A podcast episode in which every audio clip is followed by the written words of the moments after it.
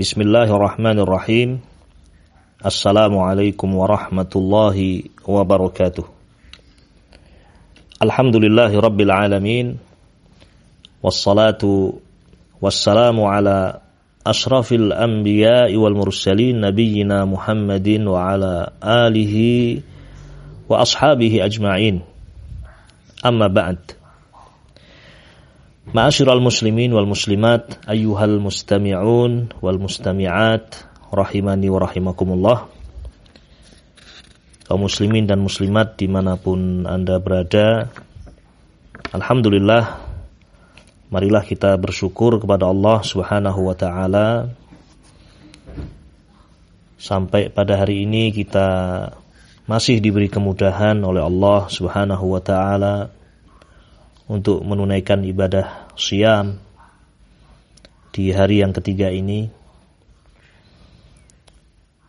Kita masih diberi nafas oleh Allah Jalla wa'ala untuk duduk bermajelis ilmu, mentadabburi ayat-ayat Al-Quranul Karim, dan juga sunnah Nabi alaihi salatu wassalam. Dengan mempelajari keduanya, hati akan tersiram dengan air hujan dengan air yang biidnillah azza wa jalla akan menjadikan hati seseorang hidup. Biidnillah azza wa jalla. Ma'asyiral muslimin rahimani rahimakumullah. Kita akan melanjutkan pembahasan al-iman bil yaumil akhir, iman kepada hari akhir yang telah kita awali dengan pembahasan al-ihtiwar dengan pembahasan eh, datangnya sakaratul maut.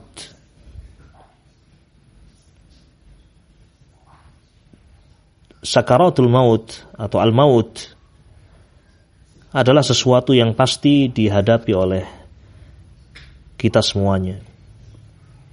Naam, bahkan para nabi, para rasul. Sebagaimana Allah Subhanahu wa taala berfirman dalam Al-Qur'anul Karim, "Kullu nafsin dha'iqatul maut." Kullu nafsin setiap yang berjiwa dha'iqatul maut akan merasakan al-maut, kematian. Dan ketahuilah bahwasanya masing-masing kita telah ditetapkan ajalnya oleh Allah telah ditetapkan ajalnya. Sebagaimana disebutkan dalam hadis Abdullah bin Mas'ud radhiyallahu taala anhu tentang ditiupkannya roh oleh malaikat ke dalam janin di rahim ibu.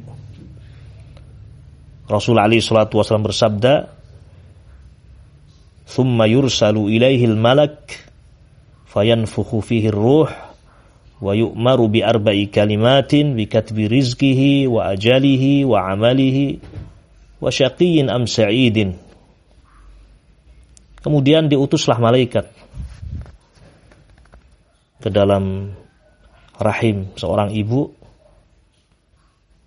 Kemudian ditiupkan roh kepadanya. Fayunfahu fihi ruha. Wa yu'maru bi arba'i kalimatin. Kemudian ditetapkan empat perkara takdir atas orang ini bikat birizkihi tentang rezekinya. Wa ajalihi juga ajalnya. Wa amalih dan amalannya. Wa syaqiyyin am sa'idin dan apakah orang ini akan menjadi orang yang celaka atau orang yang beruntung? Masing-masing kita memiliki ajal.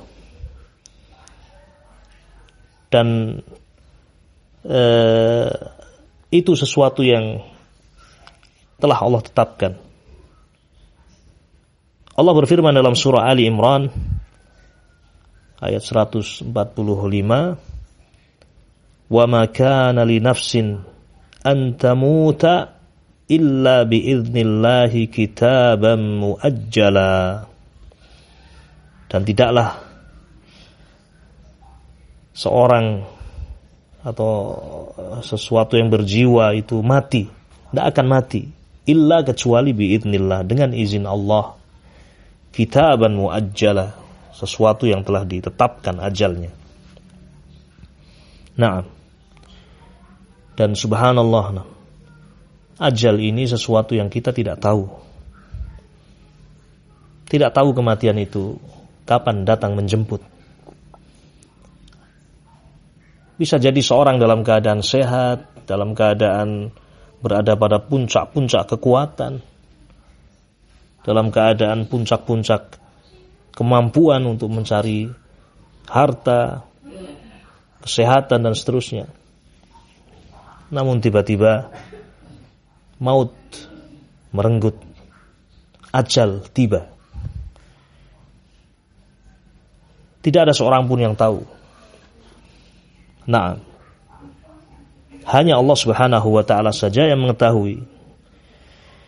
Dan ini termasuk perkara-perkara gaib yang Allah sebutkan di dalam surah Luqman, di akhir surah Luqman, Allah Subhanahu wa taala berfirman, "Innallaha 'indahu 'ilmus sa'ah wa yunazzilul ghaith wa ya'lamu ma fil arham wa ma tadri nafsum madza taksibu ghada wa ma tadri nafsum bi ayyi tamut innallaha 'alimun khabir."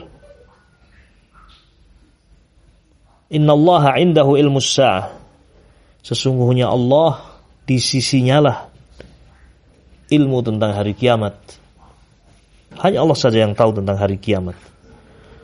Wa yunazzilul ghaitha dan juga yunazzilul ghaith tentang turunnya hujan. Dialah yang menurunkan hujan, yang menetapkan tentang kapan hujan, di mana hujan. Tidak ada orang yang tahu. Wa ya'lamu ma fil arham, dia pula yang mengetahui apa yang ada dalam rahim.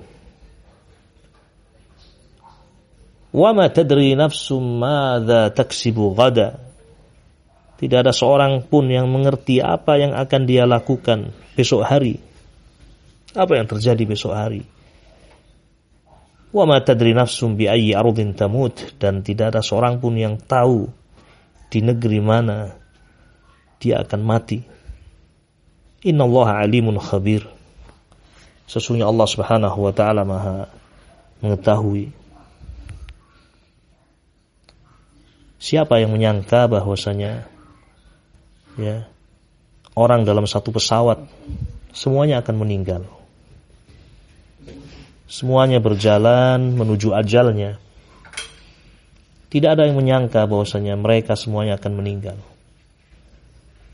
dari berbagai macam daerah, dari berbagai macam penjuru berjalan menuju ajalnya. Ya. Mereka semua membeli tiket dari tempat-tempat yang berbeda. Kemudian mereka bertemu di ruang tunggu pesawat. Kemudian setelah itu mereka memasuki pesawat satu persatu. Kemudian mereka semuanya menempati tempat-tempat duduk yang telah ditetapkan menuju ajal yang Allah Subhanahu wa taala tetapkan. Naam. Tidak ada yang mengerti tentang ajal. Maka semestinya kita semuanya ma'asyiral muslimin rahiman rahimakumullah memohon kepada Allah Subhanahu wa taala agar kita dihidupkan di atas Islam dan dimatikan di atas iman Naam. Ikhwatul kiram ma'asyiral muslimin rahimani wa rahimakumullah. Demikianlah kematian. Setiap yang berjiwa akan merasakan mati. Kemudian kematian adalah sesuatu yang telah ditetapkan ajalnya. Dan perkara yang lain kita wajib mengetahui bahwasanya kematian itu tidak ada seorang pun yang mengerti kecuali Allah Subhanahu wa taala. Naam. Ma'asyiral muslimin rahiman rahimakumullah. Eh, hakikat kematian adalah mufaraqatu ar-ruh lil badan. Ya. Berpisahnya roh dengan badan dengan jasad. Nah, roh dan jasad berpisah. Nah, dan berpindahlah roh kepada alam yang lain. Ya. Masuk ke alam barzakh. Adapun roh itu ya melanjutkan perjalanannya. Imma muna'amah wa imma mu'adzabah. Mungkin dia mendapatkan nikmat atau mendapatkan azab dari Allah Jalla wa'ala. Itulah hakikat kematian. Mufaraqatur ruh lil badan. Berpisahnya ruh dengan badan. Kemudian ruh berpindah kepada alam yang lain, negeri yang lain, negeri barzakh. Adapun jasad manusia ya maka hancur dimakan oleh tanah, oleh cacing-cacing tanah kecuali jasadnya para nabi, para rasul yang memang Allah Subhanahu wa taala haramkan bumi untuk memakannya. Iya, jasad para nabi, jasad para rasul utuh sampai hari ini. Sebagaimana disebutkan oleh Nabi kita Muhammad sallallahu alaihi wa ala alihi wasallam. Ma'asyiral muslimin rahimani wa rahimakumullah. Kemudian ketika roh telah berpisah dan berpindah ke alam yang lain, yaitu alam barzakh. Maka setiap manusia akan mengalami beberapa perkara. Di antara perkara itu yang pertama dihadapi adalah fitnatul qabri. Fitnah kubur. Dan ini akan kita bahas pada kesempatan kali ini insyaallah taala. Setelah seorang menghadapi sakarat hingga berpisah antara roh dengan jasadnya, maka berikutnya dia akan menghadapi mauqif sebuah keadaan di mana dia harus menjawab pertanyaan malaikat mungkar dan malaikat nakir. Dan inilah fitnah al-qabr, fitnatul qabri fitnah kubur adalah pertanyaan malaikat su'alul mayyit fi qabrihi. Pertanyaan malaikat kepada mayit di kuburnya an rabbihi tentang Rabbnya wa an dinihi wa nabiyhi sallallahu alaihi wasallam. Tentang Rabbnya, tentang agamanya, tentang nabinya. Nah. Dan inilah yang diyakini oleh kaum muslimin, ahlus sunnati wal jamaah. Diyakini oleh Rasul alaihi salatu wassalam wa ashabuhul kiram dan para sahabatnya yang mulia. Wa tabi'un wa tabi'ut tabi'in. Semuanya meyakini bahwasanya mayit itu akan diuji di kuburnya. Ya. Diuji di kuburnya dengan pertanyaan-pertanyaan ini. Man rabbuka siapa Rabbmu wa madinuka apa agamamu wa man nabiyuk dan siapa nabimu.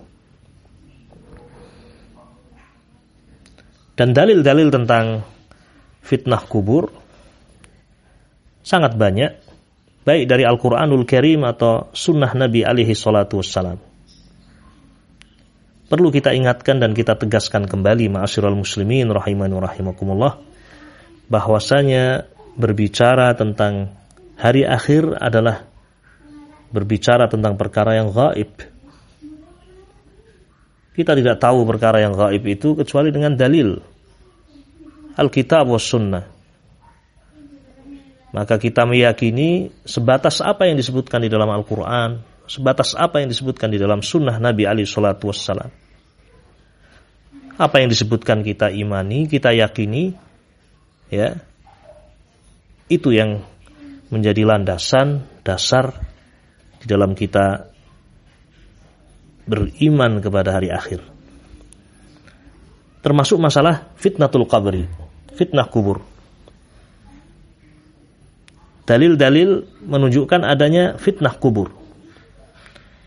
Di antaranya ikhwatil kiram rahiman rahimakumullah adalah firman Allah Subhanahu wa taala di dalam surah Ibrahim ayat yang ke-27 Allah Subhanahu wa taala berfirman Yusabbitullahu alladhina amanu bil qawli tsabiti fil hayatid dunya wa fil akhirah.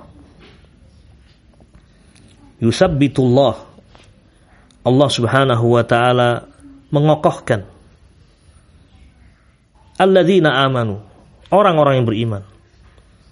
Orang-orang yang beriman diberi kekokohan oleh Allah Subhanahu wa taala bil qauli sabit dengan ucapan yang sabit. Nah, diberi kekokohan dengan al-qaulus sabit fil hayatid dunia dalam kehidupan dunia wa fil akhirah dan dalam kehidupan akhirat. Ayat ini ya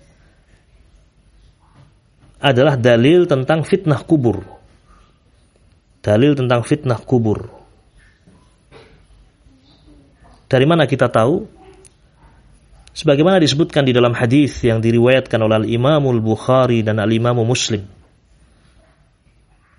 Nabi Ali Shallallahu Wasallam membacakan ayat ini ya terkait dengan fitnah kubur. Dan kita mengetahui bahwasanya sunnah atau hadis Nabi Ali Shallallahu Wasallam yufassirul Quran menafsirkan Al-Quran. Wa yubayinu Al-Quran, menjelaskan Al-Quranul Karim.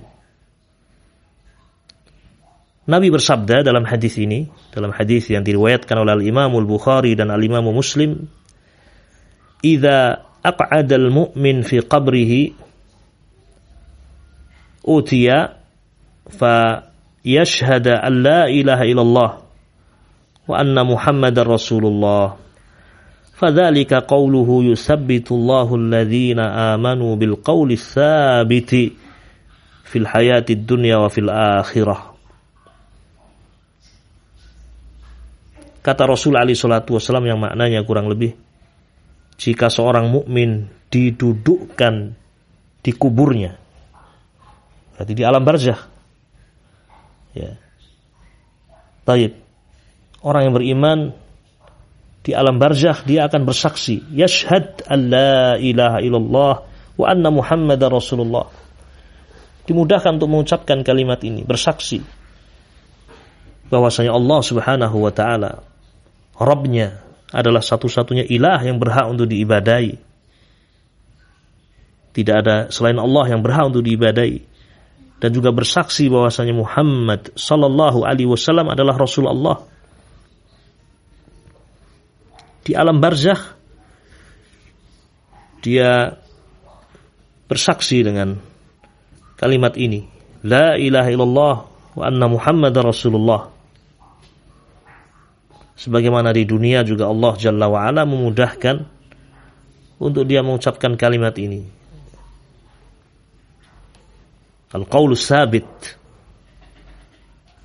Sebagaimana di dunia Allah kokohkan dia untuk mengucapkan la ilaha illallah Muhammad Rasulullah. Demikian pula ketika di alam barzakh ketika didudukkan oleh malaikat Allah kokohkan dia untuk mengucapkan la ilaha illallah Muhammad Rasulullah kemudian Nabi membaca ayat ini ayat dalam surah Ibrahim yuthabbitullahu alladhina amanu bil qawli tsabiti fil hayati dunya wa fil akhirah. Ya. Ini dalil bahwasanya di alam barzakh nanti ya, manusia akan difitnah, diuji. Dan orang-orang yang beriman akan dikokohkan oleh Allah Subhanahu wa taala. Ya. Sebagaimana di dunia dia berusaha untuk menjaga dirinya. Menjaga agar kalimat la ilaha illallah tidak ada ilah yang berhak untuk diibadai illallah kecuali Allah. Dia jaga. Dengan terus dia mentauhidkan Allah meninggalkan asyirik billah azza wajal. Berdoa untuk Allah sujud untuk Allah menyembelih hanya untuk Allah. Beristi'anah minta perlindungan hanya kepada Allah. Isti'adah minta perlindungan hanya kepada Allah. Semua ibadah untuk Allah. Berusaha menjaga kalimat ini dalam kehidupannya. Berusaha untuk meninggalkan semua jenis kesyirikan. Kemudian dalam kehidupannya dia juga berusaha untuk betul-betul mengikuti bimbingan Nabi Ali Shallallahu Wasallam karena dia mengerti bahwasanya Nabi Muhammad Shallallahu Alaihi Wasallam adalah utusan Allah yang wajib dicintai, yang wajib dibenarkan semua ucapannya, yang wajib ditaati perintah-perintahnya, dan wajib ditinggalkan apa yang beliau larang.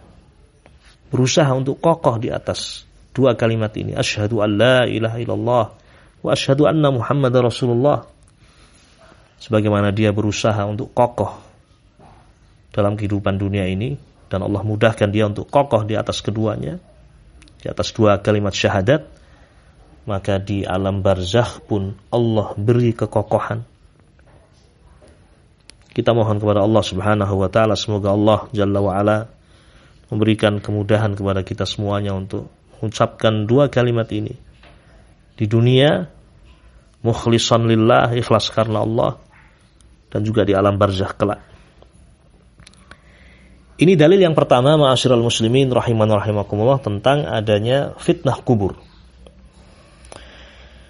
Kemudian ikhwatul kiram rahiman rahimakumullah. Disebutkan juga dalam hadis eh, yang diriwayatkan oleh Al-Imamul Bukhari dan Al-Imamu Muslim tentang adanya fitnah kubur. Nabi alaihi salatu wassalam bersabda, "Innahu qad uhiya ilayya annakum tuftanuna fi quburikum." Mithl au qariban min fitnatid dajjal.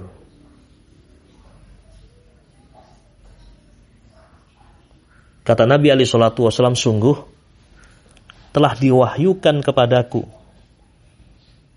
Nah, sungguh telah diwahyukan kepadaku bahwasanya kalian tuftanun akan difitnah, yakni diuji fi, fi kuburikum di dalam kubur-kubur kalian semisal atau dekat.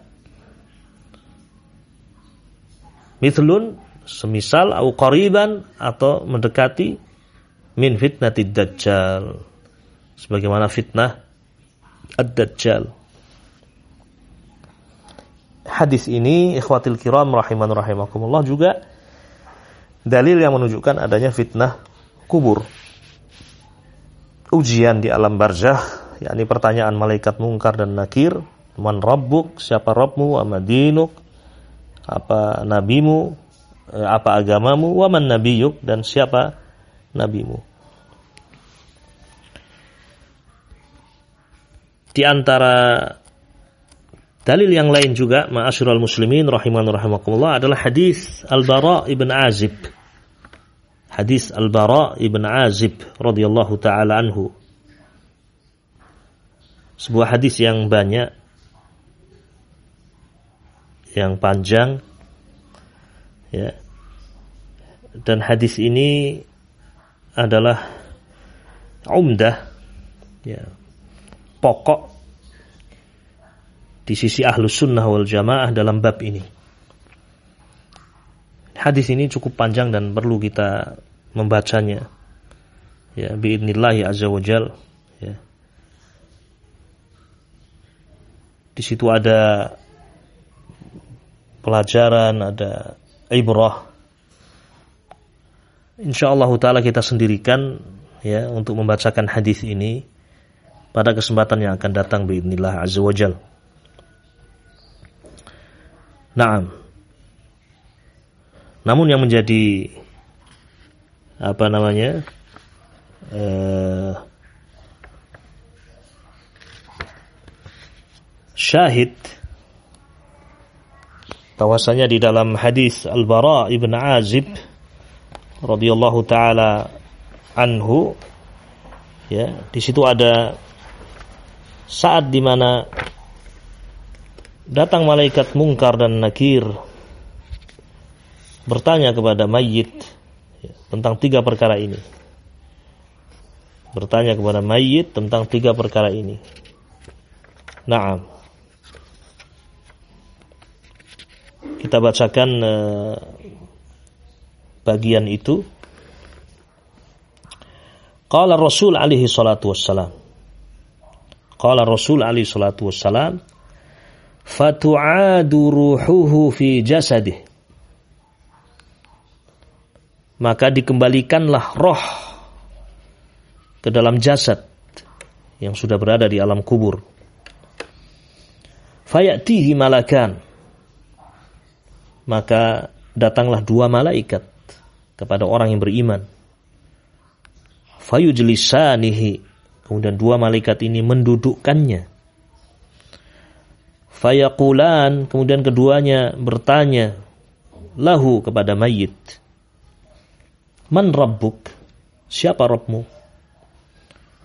Fayaqul maka orang yang beriman akan mengatakan akan menjawab dalam ujian ini Rabbi Allah Rabb saya adalah Allah. Fayaqulanilah Kemudian keduanya bertanya lagi. Ma dinuk? Apa agamamu? Fayaqul dia mengatakan dinil Islam. Agama saya adalah Islam. Fayaqulani lahu. Kemudian keduanya bertanya lagi kepada mayit. Ma hadzal rajul alladhi bu'itsa fikum? Siapakah orang yang telah diutus di tengah kalian? Fayaqul maka orang yang beriman menjawab huwa Rasulullah sallallahu alaihi wasallam. Beliau adalah Rasulullah sallallahu alaihi wasallam. Fayakulan kemudian keduanya bertanya lagi lahu kepada mayit. Wa ma ilmuka? Apa ilmumu? Apa yang engkau ketahui? Apa yang engkau pelajari? Fayaqul maka dia mengatakan qara'tu kitab Allah. Aku dahulu membaca kitab Allah Al-Qur'an fa'amantu bih. Maka aku pun mengimaninya wa saddaqtu dan aku membenarkannya. Subhanallah. Dimudahkan orang yang beriman untuk menjawab pertanyaan-pertanyaan ini. Kemudian terdengar suara dari langit, fayunadi munadin. Maka terdengarlah seruan dari langit. An sadaqa abdi. Benar hambaku. Sadaqa abdi. Hambaku jujur, hambaku benar fa'afrishuhu minal jannah maka hamparkanlah untuknya dari jannah dari surga wa albisuhu minal jannah. Dan berilah dia pakaian. Minal jannah dari jannah. Waftahu lahu baban ilal jannah. Dan bukakan untuknya pintu menuju jannah. Qala fayatihi min rauhiha wa tibiha. Maka ketika itu ya orang yang beriman ini di alam kubur di alam barzakh ya setelah dibukakan pintu menuju jannah ya diberi pakaian dari jannah dia merasakan harumnya jannah hembusan jannah. Nikmat kubur. Wa yufsah lahu fi qabrihi madda basarih. Kemudian Allah Subhanahu wa taala bukakan kuburan itu dibentangkan sejauh mata memandang. Ini potongan hadis uh, Al-Bara ibn Azib radhiyallahu taala anhu yang menyebutkan tentang pertanyaan malaikat mungkar dan nakir. Dan hadis ini hadis Al-Bara ibn Azib radhiyallahu taala anhuma ya diriwayatkan oleh Al Imam Ahmad Ibnu Hanbal rahimahullah di dalam musnadnya ya, juz yang keempat halaman 287 ya, cetakan lama ya. adapun dalam cetakan uh, Muassasah Ar-Risalah disebutkan pada juz yang ke-20 halaman 499. Hadal hadis, hadis ini hadis Al-Bara ibn Azib radhiyallahu taala anhu adalah hadis yang sahih. Huwa hadisun sahih disahihkan oleh Ibnu Mandah wa al-Imam Al-Baihaqi wa Syekhul Islam Ibnu Taimiyah wa Ibnu Al-Qayyim wa Ibnu Hajar Al-Asqalani rahimahumullah fahuwa hadithun sahihun. Ini adalah hadis yang sahih. Wa umdatun wa aslun inda ahli sunnati wal jamaah fi bab yani fitnatul qabri wa adzabil qabri wa na'imih. Hadis Al-Bara ibn Azib adalah pokok atau dalil bagi ahli sunnati wal jamaah. Naam yang menetapkan adanya uh, fitnah kubur, ya, azab kubur dan nikmat kubur. Demikian ikhwatil kiram rahiman rahimakumullah. Nah, uh, beberapa dalil ya yang menunjukkan adanya fitnah kubur baik dari Al-Qur'anul Karim atau dari sunnah Nabi Ali Shallallahu Wasallam. Dan kewajiban kita sebagai seorang Muslim, seorang mukmin adalah mengimani semua yang dikabarkan oleh Allah Subhanahu Wa Taala. Dan kita memohon kepada Allah Subhanahu Wa Taala semoga Allah Jalla wa Ala memudahkan kita semuanya untuk menjawab pertanyaan-pertanyaan malaikat mungkar dan nakir salah satu mauqif, salah satu kejadian yang akan dihadapi oleh kita dalam perjalanan yang panjang. Safar tanpa batas. Sesaat setelah kematian kita, sesaat setelah berpisahnya jasad dengan roh kita. Hanya Allah sajalah yang bisa memberikan kekokohan untuk kita semuanya untuk menjawab pertanyaan malaikat mungkar dan nakir. Sebagaimana Allah Subhanahu wa taala berfirman, "Yusabbitullahu alladhina amanu bil qawli fil hayatid dunya wa fil akhirah." Allah Subhanahu wa taala dialah dialah Allah Subhanahu wa taala dia sajalah yang mengokohkan orang-orang yang beriman untuk berada di atas al-qaulus sabit. Kalimat iman, kalimat la ilaha illallah Muhammad Rasulullah. Dia sajalah yang bisa mengokohkan seorang hamba untuk mengucapkan kalimat ini di dunia. Wa fil akhirah demikian pula di akhirat di alam barzakh. Dan kita berlindung kepada Allah dari fitnah kubur. Semua jenis fitnah. Sebagaimana kita diajarkan untuk membaca doa ya di akhir salat Allahumma inni a'udzu bika min adzabi jahannam wa min adzabil qabri wa min fitnatil mahya wal mamat wa min syarri fitnatil masih dajjal Semoga Allah Subhanahu wa taala memberkahi kita semuanya. Naktafi bihadzal qadri. Kita cukupkan sampai batas ini. Mudah-mudahan apa yang sedikit ini bermanfaat.